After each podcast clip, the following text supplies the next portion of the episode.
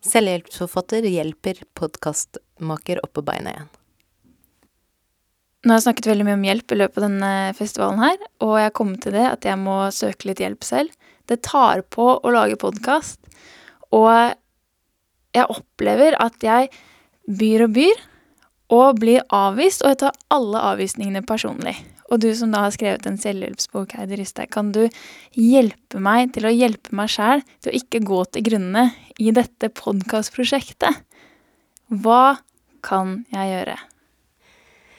Ja, da høres det ut som du har tatt eh, litt hen lite hensyn til deg selv. Eh, en av de tingene jeg anbefaler eh, i boka, da, den går jo egentlig sånn spesielt Den er mest retta mot de som har vært syke eller hatt kreft. Det er å være egoistisk eh, og gjøre det som gjør deg godt. Og ta hensyn til deg selv og sette grenser. Så det høres ut som kanskje du bør gjøre litt mer av det. Um, men når det gjelder det at jeg ble selvhjelpsforfatter, eh, så var det litt Det var ikke planen. Det var ikke sånn at jeg fikk kreftdiagnosen én dag og tenkte Yes, dette kan jeg utnytte til å skrive en selvhjelpsbok. Eh, dette kan på en måte oppfylle den drømmen jeg egentlig alltid har hatt om å bli forfatter. Det var ikke sånn i det hele tatt. Eh, men jeg kom med en del sånn tips og råd som går på en måte på den typen situasjoner, da. Altså hvor du må holde ut noe vanskelig lenge. Eh, og så har jeg gått litt inn i selvhjelpslitteraturen, eh, og der de fleste tilbyr en sånn eh, quick fix som kan fikse alt på en veldig enkel måte. Alltid. Eh, så er ikke jeg helt der. Jeg mener at det er dårlig selvhjelpslitteratur, så jeg mener at man bør eh, være positiv til selvhjelpsbøker, men kritisk til hvilke bøker man velger. Det er f.eks. bare én av ti som er basert på forskning, som kanskje er skrevet av folk som vet hva som hjelper i ulike situasjoner. For jeg trenger en quick fix. Jeg må jo nå, kanskje på ti minutter, eh, rå meg litt om så jeg får til å og Hei, Pedro. Hei. Gå inn, du. Bare på rommet. Ja, det er helt greit. Bare jeg prøver å få litt hjelp til uh, å hjelpe meg sjæl. Hvis du har noen gode tips, kan du gjerne stikke hodet ut av hotelldøra etterpå og komme med det. Jeg skal tenke på det. Ja, bra. Jo, jeg trenger en quick fix, for det jeg har tenkt på, er uh, jeg, er, jeg blir jo bitter. Jeg merker det nå at uh, jeg vil gjerne lage fin podkast og takler så dårlig den avvisningen. Du tenker kanskje jeg får jo ikke endret på de andre. Jeg får jo ikke endret alle forfatterne som ikke har lyst til å bli med på opplegget mitt. Jeg må jo endre meg selv. Og som du fortalte under foredraget ditt i stad, dette med selvmedlidenhet. Jeg har masse selvmedlidenhet nå. Jeg syns jo synd på meg selv som står i den situasjonen. Hva gjør jeg da? Ja, det er nesten ingen situasjoner som ikke blir verre med litt bitterhet og selvmedlidenhet. Eh, men vi er jo de fleste av oss er ganske perfeksjonistiske. Altså vi er opptatt av å mestre mye på en gang. Eh, det er litt fint med, faktisk, da. Det er noen fine fin ting med å ha hatt eh, kreft, at eh, du blir Du prioriterer litt hardere. Det er ikke alt som blir like viktig lenger, og du blir litt flinkere til å bry deg om eh, det som er viktig, og gi litt mer blaffen. Eh, gi litt mer blaffen, det er jo noe som de fleste av oss kan eh, bli litt flinkere til. Å kjenne etter når vi skal gjøre noe, hva er det du har lyst til å gjøre, og hva gjør du fordi du føler at du må eller bør. De bør-må-tingene bør du prøve å Bør. Hvis du kutter ut de til et minimum, så får du det stort sett eh, bedre med deg sjøl. Eh, også når det gjelder hvem du er med. Vær med de som gjør deg godt. Det betyr ikke at eh, du skal eh, kutte ut eh, venninnen din hvis hun har en dårlig periode eller noe sånt, men de som bare drar deg ned, eh, som du er med fordi du føler at du må, de trenger du kanskje ikke i livet ditt. Og de blir det ofte mye lettere å kutte ut hvis du går gjennom en alvorlig sykdomsperiode, eksempel. Det mest alvorlige jeg opplevde av sykdom, det var en tolv dagers magesjau i Etiopia. Og jeg kan jo huske at jeg ble selektiv, men jeg tenker jeg har jo ikke samme erfaringsbakgrunn som deg. Så hvis du da, med all din erfaring og innsikt, kan prøve å sette deg i mine sko og tenke at nå er dette en dag du skal lage en episode i podkast eh. Eh, du skal, eller du skal be ulike forfattere om å rime på ordet litteratur. og så langt har du møtt kanskje 90 eh, 'tror ikke jeg gidder det', og du føler deg litt dårlig. Hva ville du gjort da? For dette bør, må, skal jo gjøres. Det kan ikke kanselleres. Men for å på en måte få hodet over vannet og føle seg som et helt litt vakkert, flott og eh, menneske med verdi, da. Litteratur er jo et litt vanskelig ord å rime på, da. Kanskje det er mulig å ta et lettere ord? Hvilket ord tror du hadde vært, eh, fått, eh, gjort livet mitt bedre enn jeg møtte disse forfatterne, da? Um, hvilket ord kunne det vært? Bok er jo enklere enn litteratur. Det er sant. Hvorfor tenkte jeg ikke på dette her? Det var jo mye smartere. Men jeg har jo allerede startet litt på arbeid, så jeg tror jeg må prøve å fortsette det. Jeg bare lurer på, for du selv, da du hadde kreft, så kunne du på en måte ikke endre kreften. Eller forhåpentligvis da med medisiner. Du kunne bare endre deg selv. Hvis du skulle overføre noe av den tankegangen til meg, hva kan jeg da lære? Hvordan kan du hjelpe meg til å hjelpe meg selv ut fra dine erfaringer? Hvis eh, jeg skulle gjort det du skal gjøre, da, altså finne ganske mange som skal finne ord som skal rime på litteratur, så istedenfor å på en måte se helt fram til der du har det ferdige prosjektet, da. Så ta deler av det av gangen. Altså gjør litt. Si til deg sjøl ok, nå skal jeg spørre fem personer, så skal jeg ta meg en sjokoladebit, eller så skal jeg ta meg en pause.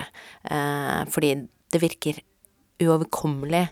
Eh, det er liksom sånn Hvordan spiser du en elefant? Du tar én bit av gangen. Altså, man må på en måte begynne en plass, eh, og så sette seg delmål. Og så kan du feire når du kommer dit, gi deg selv en liten belønning.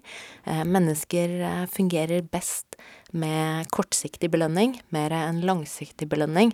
Så det kan være en motivasjon da, for å få deg til å gjennomføre hele prosjektet til slutt.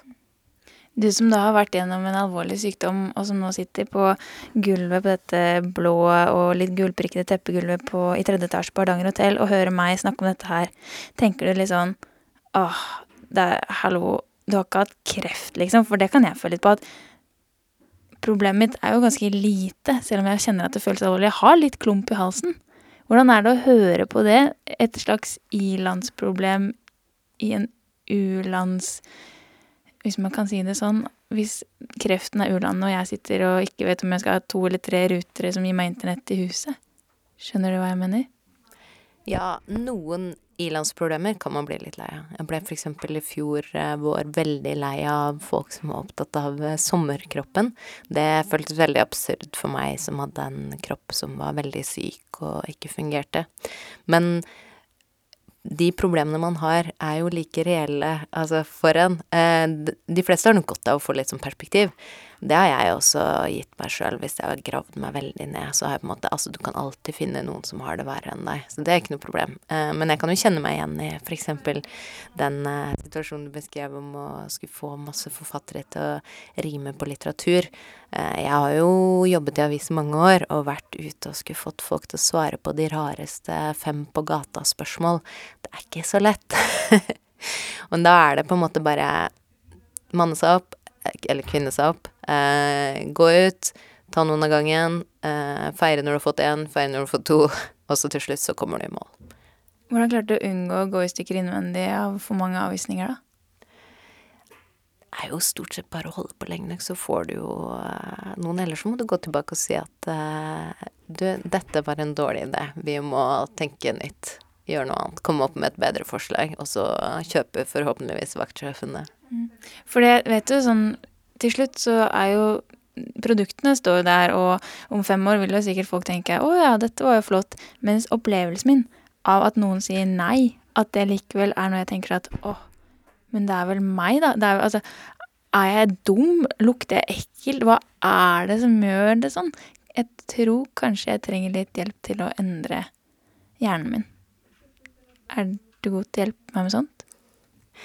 Jeg vet ikke om jeg er så god til å hjelpe hjernen din, men jeg tror at du kan hjelpe deg selv. Eh, fordi sånn i min situasjon, da, hvor jeg ble veldig syk, eh, så er det lett å synes veldig synd på seg sjøl og være veldig opptatt av det som ikke fungerer, det som skulle vært annerledes, det du ikke fikk, det som ikke går som du hadde tenkt og ønska og planlagt. Men da må du jobbe, det gjorde jeg òg, med å tenke annerledes fokusere på det som faktisk fungerer, istedenfor det som ikke fungerer. Det som er bra, istedenfor det som er dårlig. Gå gjennom Altså, jeg hadde en sånn her lykkeliste i hodet mitt som eh, jeg lista opp alle de tingene i livet som jeg er fornøyd med, som går bra, som gjør meg lykkelig. Og du har alltid noen ting å putte på den lista. Eh, så det er litt hva du klarer å bruke energi på å fokusere på. Altså, er du mest opptatt av det som er negativt? Det er jo ofte sånn at hvis vi får ti tilbakemeldinger hvorav én er negativ, så henger vi oss ofte opp i den negative istedenfor å gi blaffen i den og høre på de ni andre. Og det er sånn man kan jobbe med seg sjøl, man bli flinkere til å være opptatt av de som gir en positive tilbakemeldinger, de som faktisk svarer. Altså den ene da, som kommer på et godt rim på litteratur, istedenfor de 70 som ikke gidder å svare. Så hvis vi nå skal ha en oppsummering på slutten, eh, hvilke punkter var det jeg skulle øve meg på for å få det bedre i livet mitt eh, som selvhjelpshjelp? Jeg tror du bør sette delmål for å komme deg helt i mål. Eh, gi deg selv belønning når du når de delmålene, istedenfor å på en måte ha hele prosjektet som et stort prosjekt. Eh, være flinkere til å fokusere på det som er bra, eh, de som gir deg positiv tilbakemelding, de som faktisk svarer, istedenfor eh, de som er negative og avviser deg. Være flinkere til å gi blaffen i det. Ta en timeout, konsentrer deg igjen, reorientere deg hvis det, det prosjektet du holder på med, ikke fungerer. Um, det er vel de beste tipsene jeg kan komme på. Og så hjelper det jo alltid å ha tro og håp om at man kan komme i mål, fordi man klarer som regel mye mer enn man tror. Det gjelder bare å motivere seg. Nå sitter jeg rett ved siden av døra til deg jeg vet at Pedro har hotellrom. Da skal jeg ha delmål. Jeg skal banke på døra nå, skal jeg høre om han har lyst til å rime.